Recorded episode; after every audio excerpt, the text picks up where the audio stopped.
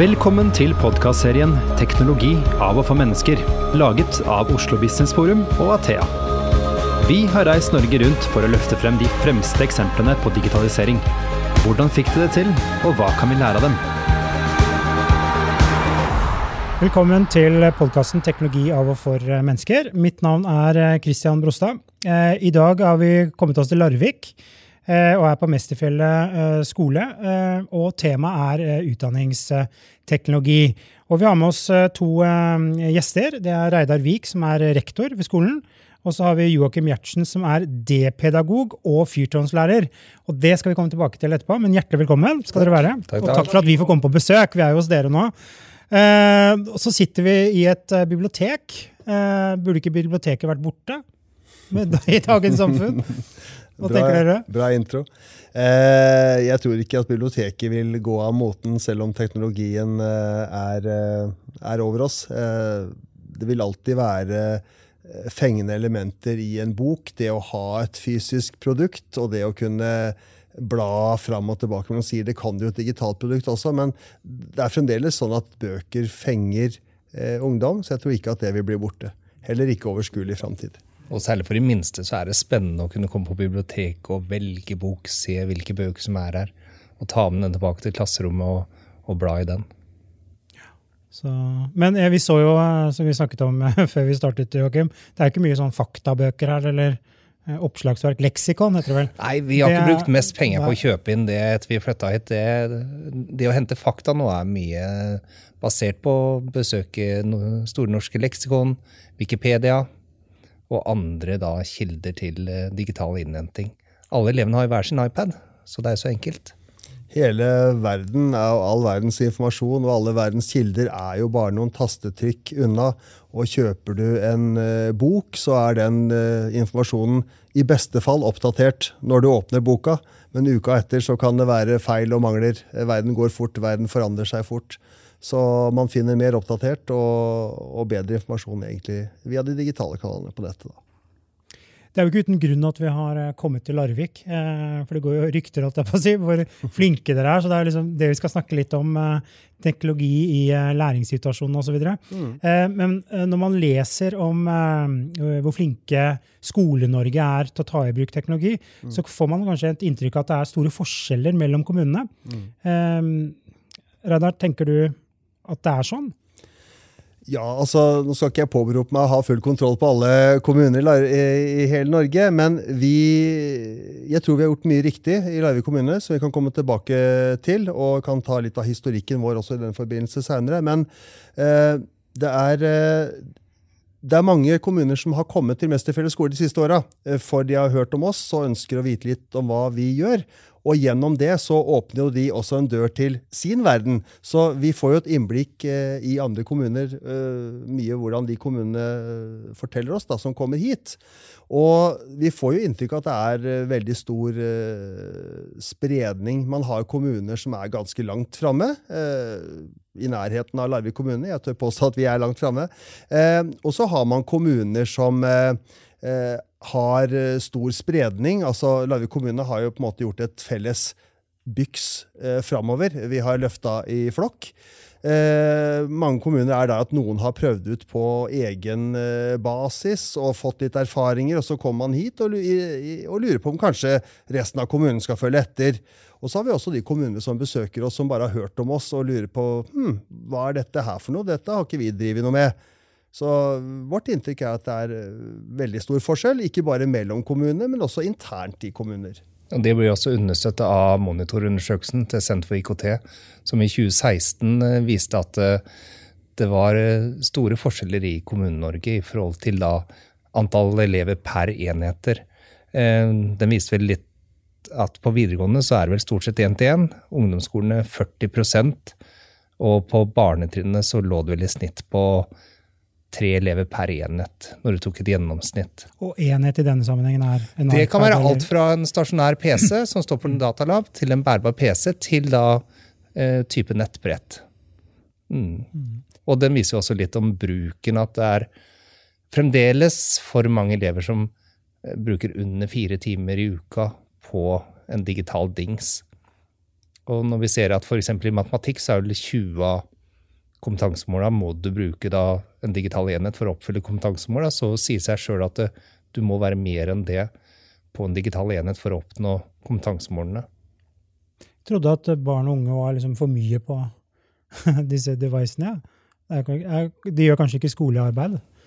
Nei, altså Det viser jo også, det viser også den samme monitorundersøkelsen, at uh, elevene er digitale, men ikke slik som vi tenker at de skal være på skolen. De har mange digitale ferdigheter, men det går på gaming, det går kanskje på chatting og være på forskjellige nettsamfunn, men det å bruke da de digitale enhetene som et læringsmiddel, der er ikke elevene kommet langt nok enda.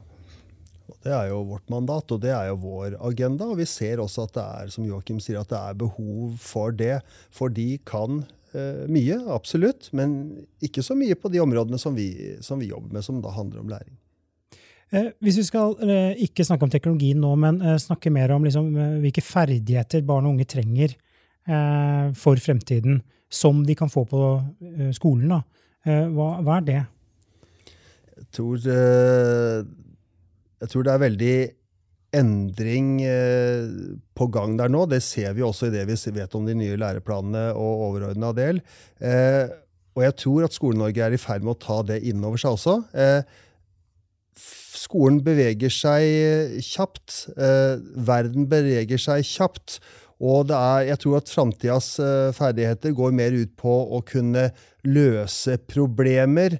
løse problemer man kanskje ikke har visst om. Altså, menneskene må også snu seg kjapt rundt i takt med verden. Man har eh, kanskje kort tid på å løse oppgaver. Altså, er, jeg tenker at det er noe i landskapet kreativitet, problemløsning.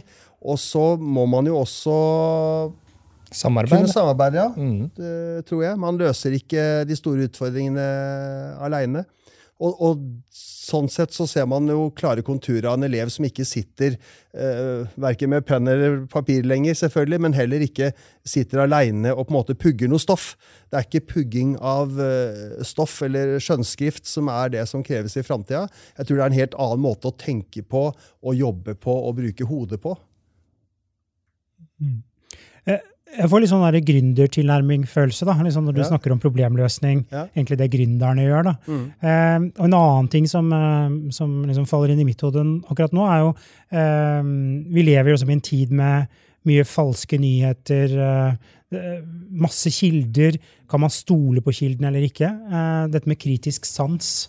Ja, altså Kildekritikk og ikke minst opphavsrett også, det er jo det er viktige momenter allerede i dag. Ikke i, bare i framtida. Det er noe vi må ha fokus på allerede i dag. For det, vi ser jo konturene av en verden nå. Vi kan ta USA som eksempel, med fake news og en president som står og kaller det meste for fake news når det gjelder han sjøl. Eh, så det er klart at eh, elevene våre må lære dette her på en helt annen måte enn vi måtte. Vi kunne slå opp i et leksikon, og vi stola jo på at det som sto der, var sant. Nå er det eh, tusenvis av kilder de kan finne hvis det er åpne oppgaver. Og det ser vi også når vi begynner å se på framtidens eksamensløsninger. Så er det jo flere og flere skoler nå som tester ut eksamen med åpent nett. Og da blir dette ekstremt viktig når du skal besvare en oppgave. At det du henter, er troverdig og kan etterprøves. Hele verden kommer jo uh, innpå deg, eller du kommer til verden på en helt annen måte enn før. Og det er selvfølgelig på godt, men også noe på vondt. Så vi er jo veldig opptatt av å ruste den uh, mentale sida av elevene da, i forhold til å bruke det digitale eh, verktøyet og i forhold til den digitale verden. Så vi er veldig opptatt av det vi kaller for digital eh, dannelse.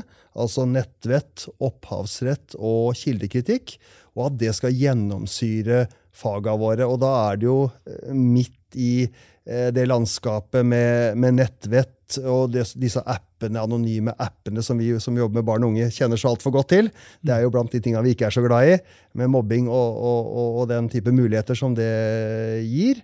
Og det å respektere hvem er det som egentlig har laga det. Hvem er det som har fotografert det bildet som du bruker i oppgaven din nå? Hvor kommer egentlig Jeg har henta det fra nettet. Ja, men hva betyr det, da? Det vel, En eller annen har vel fotografert det bildet? Altså opphavsrett, ikke sant? Og, og, da kildekritikk, da, som vi nettopp var inne på her, i forhold til fake news. Og, og det kom jo fram eh, mye etter hvert. Joakim nevnte USA, men det er jo ikke bare der. Altså, vi bombarderes jo med, med, med pås, lettvinte påstander eh, eh, som kommer eh, fra, eh, fra, mennesker. Men også, det står jo også de trykte ord. Nå kan man jo ikke helt ta for gitt bestandig heller. Så man må ha en en helt annen tilnærming til ting. tror jeg må være veldig bevisst og ikke sluke alt rått. Før så var jeg litt sånn uh, I hvert fall min, min far da, har stått i avisa. Da var det på en måte ikke noe tvil. Da var det sant, hvis det sto i avisa, men det kan man ikke ta for gitt lenger. Og på nettet så står det mye rart. Så, og det er på en måte inngangsporten. Du må ha Det må vi lære elevene til den bevisste tenkninga rundt de tinga her. Må vi lære elevene fra så den ligger i bånn, ligger i ryggraden. Og så er det å gå videre inn i, i verden, da, for å bruke uttrykket. Mm. Når dere har um, liksom tenkt på um, teknologi, hvordan teknologi kan puttes inn i læringssituasjonen, hva har liksom vært viktig for dere da? Kanskje Reidar? Ja, det, det over, hvis du spør sånn, så må jeg jo si at det viktigste med, med at vi valgte å satse på iPad, da, én til én, eh, det er jo, altså Man har jo sånne ting som eh, man kan si at det er viktig å henge med, at skolen henger med i samfunnet. At uh, det kan være miljømessige og økonomiske grunner til det. Men for Larviks del så er det utelukkende egentlig det at vi tror at det er et verktøy som egner seg til å øke elevenes læring. Eh, gitt at vi bruker det på eh, riktig måte. Det eh, kan vi snakke litt mer om etterpå, men, men det er liksom hovedoverskriften helt ene og alene for oss. Økt læring med digitale verktøy er jo på en måte slagordet til Larvik kommune, og vi holder den fana veldig høyt. Det er ikke fordi det er kult eller fordi det kan spare oss økonomisk eller andre grunner. Det er fine bieffekter, det er økonomi og, og, og, sånn, det er ikke det, men det er dette med økt læring som er vår begrunnelse for den eh, ganske store satsinga som Larvik kommune har gjort. Og så har vi heller ikke noe valg, for Norge er jo som eneste land i verden tatt inn da digitale ferdigheter som en av de fem grunnleggende ferdighetene i læreplanen. Det betyr at det, dette er noe vi skal jobbe med. Og da Vi har ikke noe valg? Nei, vi har ikke noe valg. Nei. Hvis, um, um, det er jo ikke bare sånn at dere har gitt en iPad til elevene, altså fortsatt på samme måte som tidligere. Uh, Joakim, hvis du skulle si noe om hvordan det har endret læringssituasjonen, hva er det dere gjør annerledes nå med teknologien i hånden enn det dere gjorde før? Altså, Det vi gjør annerledes eh, det er For det første har jo alle elevene en dings nå. Det tar ti sekunder fra de skal starte på en oppgave, f.eks., til de da kan sitte der og jobbe. Før så måtte du ha booka datalaben, og så måtte du gå fem minutter fra klasserommet til datalaben, og så forhåpentligvis var PC-ene oppe og gikk på 15 minutter. Så det er mer effektivt. I tillegg så gjør det jo at elevene kan jobbe på en helt annen måte nå. Vi har jo i Larvik valgt å gå for Google, hvor elevene kan samarbeide digitalt uh, i prestasjoner, i dokumenter osv. Eh, I tillegg så gjør det at vi har fått tilgang til nye læringsressurser som ikke vi hadde før. Vi har også valgt å kjøpe Smart Øving her på skolen, som er jo Gyldendals uh, Eh, produkt som er basert på smart teknologi, hvor elevene løser matematiske oppgaver, og så tilpasser oppgavens oppgavenes eh, vanskelighetsgrad seg etter hvert som elevene svarer riktig eller feil på en oppgave. Så det, det har endra veldig mye i måten vi jobber på, måten vi tenker på. Det gir jo helt andre muligheter for læreren Eh, både til å drive effektiv undervisning. altså Joakim nevner noen programmer her hvor elevene på en måte kan eh, sitte og jobbe ganske selvstendig, og hvor da eh, programmet eller appen da på en måte justerer både vanskegrad og gir deg noen eh, hint hvis ikke du klarer å liksom, Hvor eh, dingsen på en måte kan være læreren. Og misforstå meg rett når jeg sier det, jeg hadde anførselstegn på den, men mens da læreren bruker, eh, går rundt til andre elever og jobber på andre måter med andre elever, f.eks. Eh, så effektivitet. Og så har man jo dette med veldig veldig mye bedre muligheter i forhold til å variere undervisninga. Sette sammen ulike elementer til helheter i undervisninga.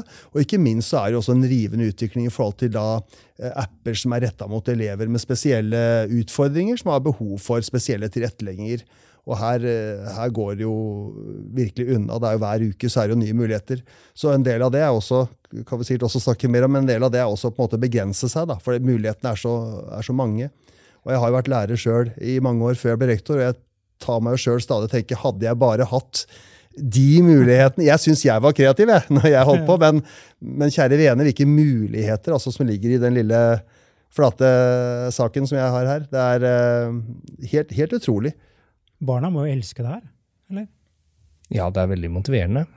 Men det er klart, det er jo særlig til å begynne med, så er jo motivasjon en sånn hoveddrivkraft, og, og, alt er jo da morsomt og spennende. Men vi har jo holdt på nå siden 2013. Da rulla vi ut de første iPadene, så det begynner å bli noen år siden vi begynte med de fire første klassene her i Larvik. Og vi ser jo det at det fortsatt så, så er det mange som, som syns dette her er kjempespennende, og særlig de minste.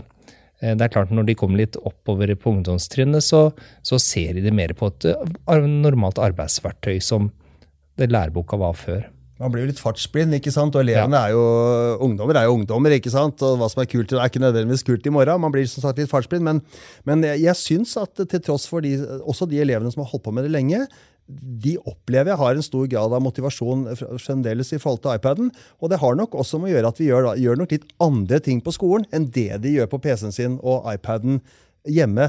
Eh, så det er et tomrom der på en måte i forhold til deres eh, hjemmebruk av dette her, som vi fyller, og som gjør at det er spennende. For de sitter ikke så mye hjemme på rommet og, og kombinerer lys og lyd og bilder og den forskjellige tingene, sånn som vi gjør. da. Noen gjør selvfølgelig det også, med YouTube-kanaler osv., men eh, det er absolutt fremdeles en motivasjonsfaktor, selv om ungdommer jo kan eh, fort eh, bli lei av ting, da, eller tenke at det er yesterday's news.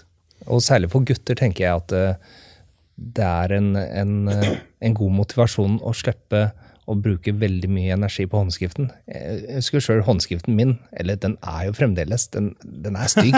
Den er, den er, den er, den er ca. like dårlig som den var eh, når jeg var yngre. Men jeg tenker for mange gutter, det å slippe å bruke så mye energi på å lage håndskriften så pen at læreren klarer å tyde og lese det som står her, det, det hjelper jo med å ha fokus på det de faktisk skal prestere. Mm. Ja, og elever med dysleksi eller andre utfordringer også, da, som da kan få hjelp på veldig mange måter. og Dermed så er det ikke deres vansker eller utfordringer som skygger for det endelige produktet, men de får hjelpemidler som gjør at det er de som har gjort produktet. Men så skygger ikke det for sola, da, det som er de, utfordringene de har. De får fram et ekte produkt, og det er de som har gjort det, og det får en eh, ærlig kvalitet, da, på en måte. Før så kunne man kanskje dette er jo stygt, kunne kanskje læreren si. ikke sant, for i en håndskrift, og Så så man ikke på, kanskje på hva er det egentlig som er presentert her, og så brukte eleven all tida på å skrive. og Så ble det kanskje ikke den kvaliteten heller, men nå kan man bruke tida på det som er det viktige, nemlig å få læringa. da, Og så er det ikke så mye som skygger for. Og Det tror jeg er ett av flere viktige poenger.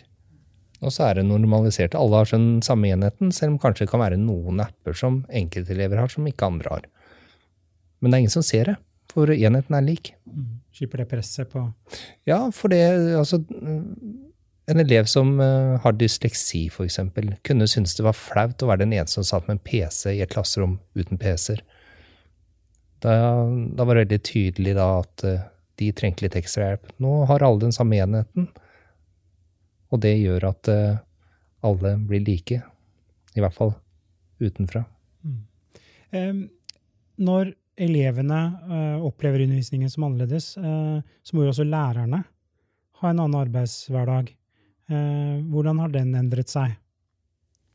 Ja, hvis vi kan starte med å si at det, på mange måter så har den blitt mer effektivisert i forhold til Hvis du skal samle inn en undersøkelse, da. F.eks. nå skal jeg ta melde på elever til noe som heter Rett kursvalg. Tiendeklassingen skal på besøk på Tor Heyerdahl etter, rett etter jul på videregående.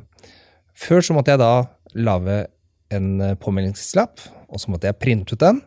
Så måtte jeg levere den ut, og elevene krøssa, så måtte jeg samle den inn. Og så måtte jeg da telle over, og så skrive det inn i et skjema og sende det til Tor Eirdal. Der gikk den dagen? Ja, det, hele dagen gikk nok ikke, men, eh, men, det gikk jo litt tid. Det jeg gjør nå, er at jeg bruker fem minutter på å lage et Google-skjema.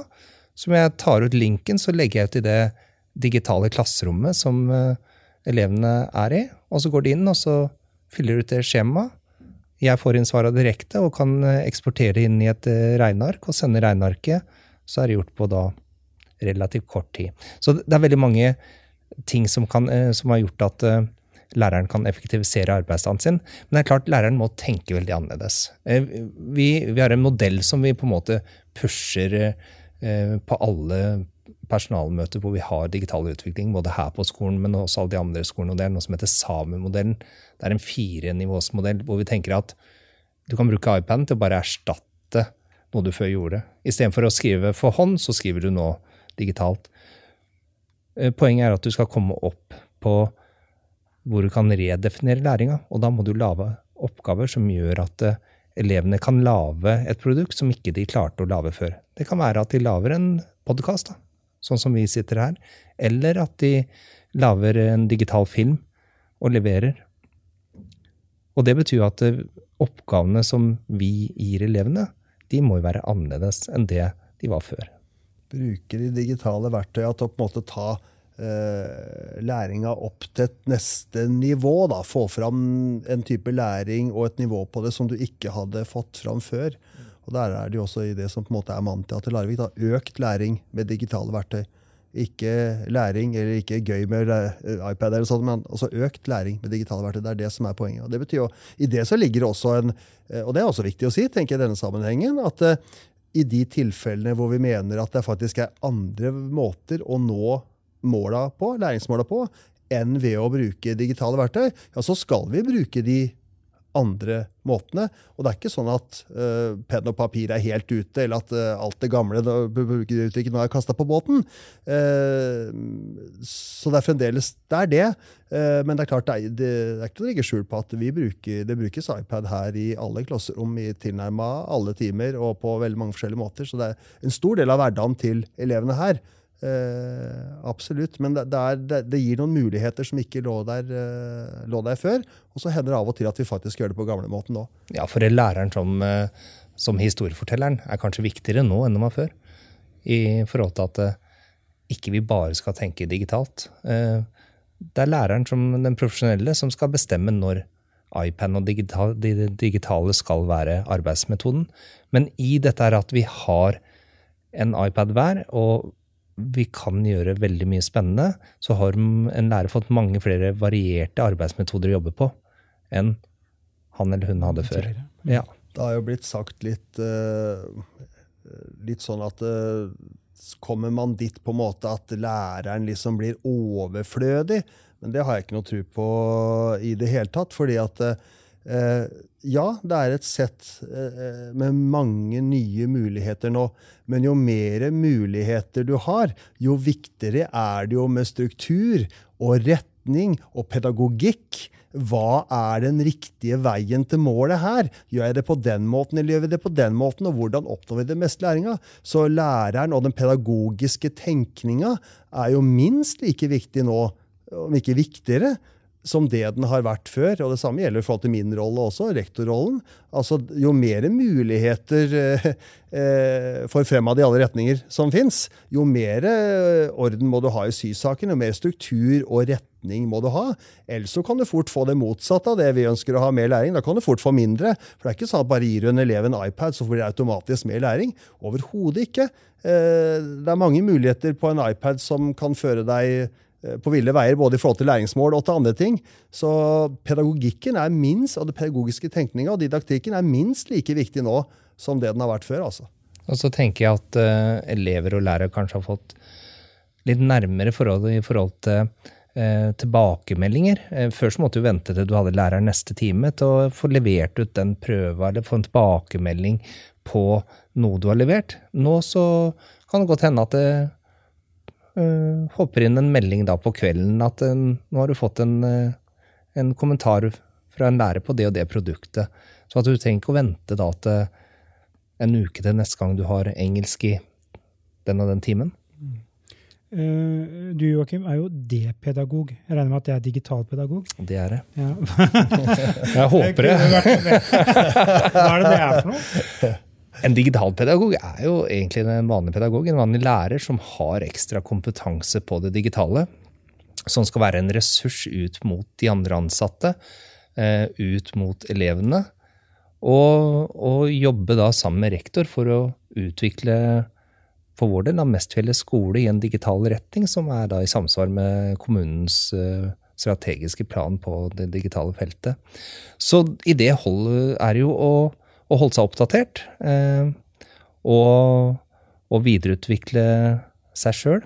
Uh, men også å dra lasset for at ikke bare det skal være enkeltlærere da, som er de som, som står for det digitale på en skole. Det er sånn som det kanskje har vært tidligere, at det har vært noen ildsjeler som har gjort at det enkelte skole virkelig har, har, eh, gjort det bra på det digitale feltet.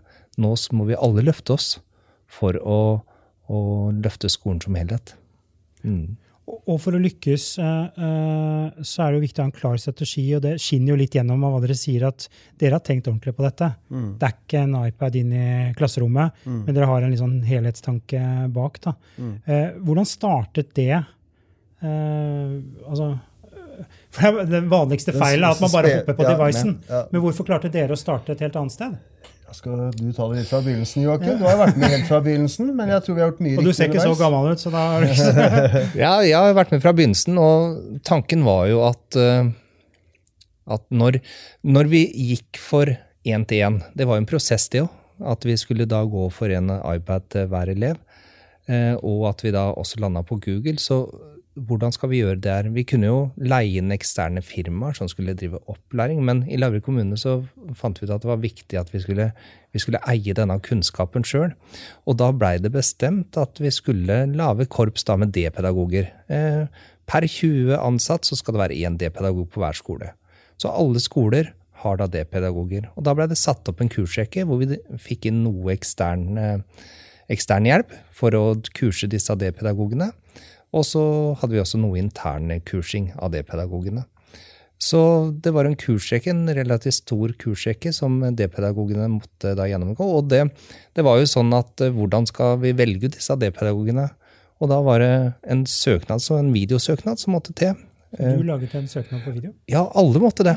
Og det, og det var Hvem var i juryen? Var det deg? Eh, jeg var i juryen i et par tegn på skolen min. men ja. Det var vel uh, over mitt hode at det endelige ble plukka ut. Okay. Men vi hadde vel en finger med i spillet ved rektoren også, så der hvor det var, uh, der hvor det var rift om uh, plassene, så kom vi med noen innspill på hvem vi gjerne så var best egna her, da. Men det var bestemt da av Jørn Andersen, Edtech-rådgiver i Larvik kommune, og Tuva Enger, som er da enhetsleder på skole. Så dette var forankra helt i toppen. Og, og, det er jo litt av det som kjennetegner oss. At vi har forankra det i toppledelsen fra dag én. I tillegg så har det vært et nært samarbeid og et godt samarbeid med IT-avdelingen i Larvik kommune. Det er ikke noe skole har gjort på egen hånd, og så har ikke IT-avdelingen eh, vært med på laget. Og det også er en suksessfaktor for i det hele tatt å få til et digitalt løft. Det må være forankra der hvor det må være forankra i alle ledd, og samarbeid med de som må involveres. Så vi har jo, Jeg tror absolutt det er en veldig viktig faktor for at vi har lykkes. Det at vi har på en måte tatt ansvar for å, kunne, for å uh, få kunnskapen sjøl og, og, og, drifte oss sjøl. Men så er det også det tenker jeg, at vi har vært flinke til å løfte i flokk. Og da mener jeg alle, og også fra politisk hold. Fordi at uh, Etter at vi på en måte hadde prøvd ut litt iPad på én skole, og det var Joakim som sto for her i den spede starten, og det forelå en del uh, gode resultater og, og, målinger på det, så er det klart at derfra til å tørre å rulle ut dette til alle skoler, fra første til tiende klasse i hele Larvik kommune, det skal det litt mot til. og det skal litt penger til også. Så man har på en måte vært eh, grundig i forarbeidet her. Grunn, diskutert seg fram til og lagt en grundig strategi som vi har virkelig hatt troa på. Så er den presentert for politisk hold. Eh, og så har politikerne også sagt at dette tror vi på. Og så har de på en måte backa oss og gitt oss noen løfter om penger, for det må jo noen midler til også. Og så har de stått ved det. Så vi har på en måte, jeg synes vi har vært veldig flinke til å legge en, eh, en grundig strategi fra starten av. Og så har vi stått ved den strategien. Alle mann. Lærere, rektorer, skoleledelse, politikere, IT-avdeling. Altså alle sammen. Og det er ikke gitt at det er ikke alle saker at det er sånn, men i denne saken så opplever jeg virkelig at det har vært sånn. Alle gode krefter har dratt i samme retning. Og jeg syns vi har vært modige, for det er mange penger som står på spill her. Det er elevenes læring som står på spill, ikke minst. Og mange syns dette med iPad er skummelt, ikke minst av lærere. ikke sant? Så det har vært en veldig stor satsing, og veldig modig satsing. Men hvis man gjør det grundig og veloverveid fra bånda, og så staker ut en retning som jeg tenker at dette, dette er bra, og så går man 100% for den, om det er noen som blir litt nervøse underveis, eller at det kommer en liten delay her, så står vi på likevel. Eh, og et godt eksempel er vel at det var vel starten så var det vel sagt at ok, fra den og den eh, Jeg husker ikke eksakt tidspunkt, men fra det tidspunktet så skulle pengene komme da fra å rulle ut iPad til alle. Eh, og så ble det da en halvt års forsinkelse på de pengene, fordi at det er mye som trenger penger i en kommune. Sånn er det jo. Og da kan jeg nok tenke meg at mange Vel, jeg vet at mange da begynte å tenke hm, blir det kanskje ikke noe av nå, da? Eh, og mange kunne jo ha frika ut på det tidspunktet og tenkt at eh, kjære vene. Eh, men da fortsatte vi satsinga, i stedet for å da på en måte begynne rett på eller ikke begynne rett på, da, vi uansett, men i stedet for å da starte opp med iPad-arbeidet og app-arbeidet, da, som vi egentlig hadde tenkt, så tar vi da og legger mer arbeid i Google-delen av jobben. Og dermed så bruker vi da det halve året uh, fornuftig på å legge et enda bedre grunnlag. Og dette kan tjenes på Google, kan man jobbe med på PC, som vi hadde. Trenger ikke iPad til det. Og da er man enda bedre uh, sånn uh, forberedt grunnlagsmessig når iPaden kommer. Og pengene kom et halvt år etterpå, som det var lova. Så alle har stått last og brast. Og det syns jeg er kjempeflott. Og så har vi fortsatt, for jeg selv om vi da rulla ut uh, iPad én til én, så betyr jo ikke at nå er vi i mål. Uh, så alle skoler har lagd en strategisk plan hvor D-pedagogene på skolen samarbeider med ledergruppa på skolen. Så hos oss er vi fire D-pedagoger, og så er det Reidar og teamlederne som lager den strategiske planen for hvordan vi skal jobbe med digital utvikling her på huset. Og så blir det satt av tid, og det, det er jo en suksessfaktor. Uh, for det, du må ha med lærerne. Og, og her snakker vi alt fra 20-åringer som akkurat er ferdig utdanna, til noen som nærmer seg pensjonsalder og kanskje har kort tid igjen. Alle skal jo være med på lasset, og da må det settes av tid på personalmøter til å drive intern utvikling. Da. Og er jo, det er kanskje den viktigste jobben til en D-pedagog, er å være med på den utviklinga her. Og dra lasset sammen med da Reidar og andre rektorer som må være kaptein på skuta så er det litt uh, viktig for å lykkes også, tenker jeg, at du må ha litt menneskelighet i det digitale. Uh, og da, som Joakim sier, noen syns at dette med iPad og teknologi er skummelt. Uh, vanskelig. Og det er da jeg sier at det er lov å gå bakerst, men det er ikke lov å ikke bevege seg. Og det å ha respekt for at mennesker er forskjellige, og så rigge et hjelpeapparat, for å bruke det uttrykket. Og her er jo D-pedagogene veldig viktig. De skal jo være lett tilgjengelige i skolene våre, i hverdagen. Du skal ikke måtte, måtte bruke timevis på å få tak i en D-pedagog som kan hjelpe deg sånn ganske direkte. Og at det er helt greit at du syns det er vanskelig. Det er helt greit, det. Og så skal vi hjelpe deg. Og vi har et apparat til å hjelpe deg. Ikke vær redd for å spørre. Vi kommer, og Av og til så kommer vi selv om vi ikke spør òg.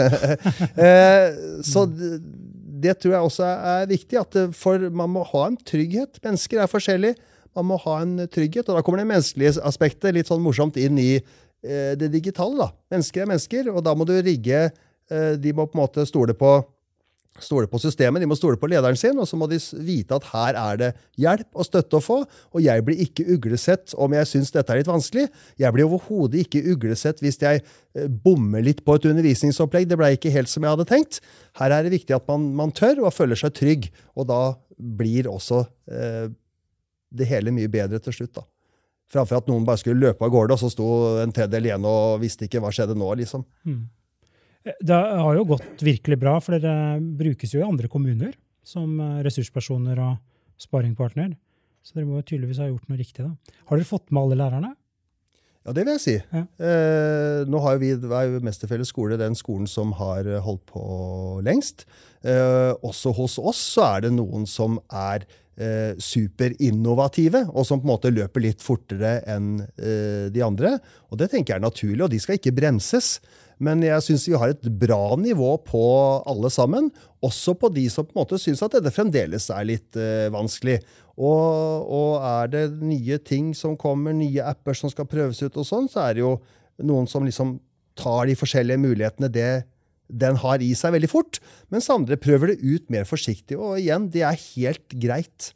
Det er uh, Vi er ikke sterkere enn vårt uh, svakeste ledd, for å bruke et sånt uttrykk. Og da er det viktig å å stole på og ha tillit til og hjelpe og, og løfte de som syns det er vanskelig også. Og da får man til sammen et veldig bra nivå.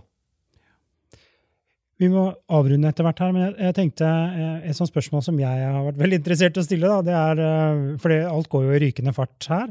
Eh, hvis dere liksom nå avslutningsvis Jeg vet ikke hvem vi skal begynne med, kanskje Reidar, da, sjefen sjøl. Hvordan ser du for deg fremtidens skole? Hvordan fem-ti år, hvordan ser eh, norsk skole ut da? Ja, Det er jo egentlig farlig å si om fem-ti år. For ser man fem-ti år tilbake, så hadde man jo ikke sett for seg at uh, vi skulle sitte her uh, og snakke om iPad, og at jeg da har en skole hvor hver, uh, i en kommune hvor alle elevene har hver sin iPad. Så på ti år skjer veldig mye, så det er veldig skummelt egentlig å, å spå om framtida. men jeg tror det kommer mye inn Altså, dette med at du slår opp ei lærebok, og så kan du se et bilde av Nidarosdomen, og så leser du Nidarosdomen. Altså Snart så kan du se dette virtuelt. ikke sant? Det er jo her allerede. Det er bare ikke sånn allemannseie ennå. Du kan jo gå inn i Nidarosdomen når du sitter her i Larvik, bare for å bruke et eksempel. Og, og det virtuelle verden da, og tilhørende aspekter tror jeg, blir, tror jeg kommer for fullt som læremiddel som etter hvert vil bli allemannseie. Og så tror jeg skolen vil, eh, vil, utvikle seg generelt, og her blir det digitale en viktig del av det, som mer sånn utforskende. Jeg tror det blir mye, mye, mindre pugging og den type ting, men det er mer sånn kreativitet, prøve og feile, utforskende. Og det ser vi også i, i det vi ser i de nye læreplanene, at det er den uh, veien det går. Og, og kombinasjonen av forskning, kreativitet, digitale, det er vel det som Perfekt match. skal redde oss. Ja. skal redde alle næringer, har jeg lært. Ja, ja.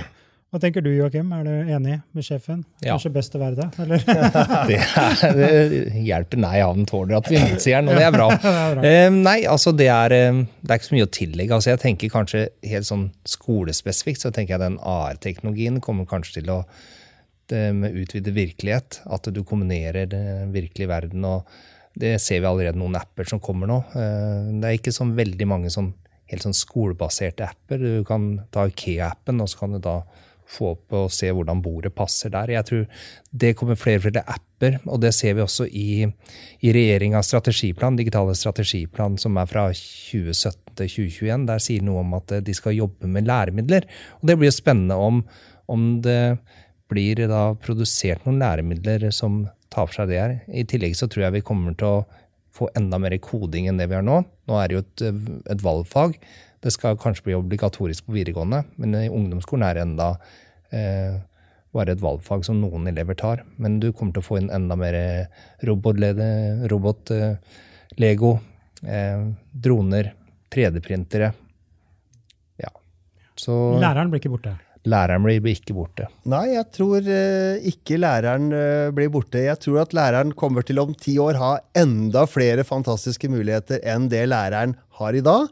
Og da blir læreren enda mer viktig. Det må være noen som setter standarder, som, uh, som hjelper, som rettleder og som viser vei og, og, har en retning. Og tenk bare på dette med, med klasseledelse også, ikke sant? Den er jo ikke I en sånn iPad så er jo hele verden der. Du er vel vanskelig å tenke seg noe mer Eh, noen bedre mulighet for distraksjon da, for en elev enn å gi en elev en iPad. Det er en uendelighet av muligheter på en iPad hvis du slapp den løs i klasserommet sånn uten videre. Så det å ha en klar og tydelig struktur på timen, ha god klasseledelse for, uh, i digitale omgivelser osv., det tror jeg aldri går av moten. Det tror jeg alltid vil være viktig med pedagogen i det hele. Disiplin. Ja. Pedagogen i det hele tror jeg vi, eh, vi fortsatt trenger om ti år. Ja. Pluss å lære elevene digital livsmestring. Eh, der henger vi jo etter så det ljomer etter. De, innen da besteforeldrene kommer på Facebook, så er ikke ungene der mer.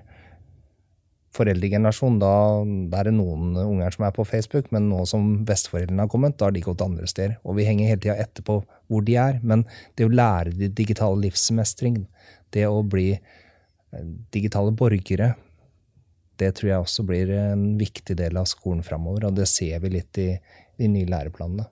Men i tråd da med mulighetene så vil selvfølgelig lærerne jobbe på enda andre måter da, og mulighetene for differensiering og jobbe forskjellig på forskjellige nivåer på forskjellige måter innenfor samme klasserom. Eller bør ikke sitte i klasserom engang. Du kan du sitter helt andre steder også. ikke sant? Så måten å jobbe på blir nok helt annerledes. Men at du fremdeles trenger pedagogen, det tror jeg. Det er nesten, sånn, jeg har lyst til å begynne på skolen igjen. det høres jo veldig gøy ut. Uh, Reidar og Joakim, uh, tusen takk for uh, den fine samtalen. Uh, og til deg som lyttet på, tusen takk. Du har nå lyttet til podkasten 'Teknologi av og for mennesker', laget av Athea og Oslo Business Forum. Følg oss i sosiale medier og på nettsiden vår athea.no. slash podcast. Vi setter utrolig stor pris på om du gir podkasten en vurdering i iTunes.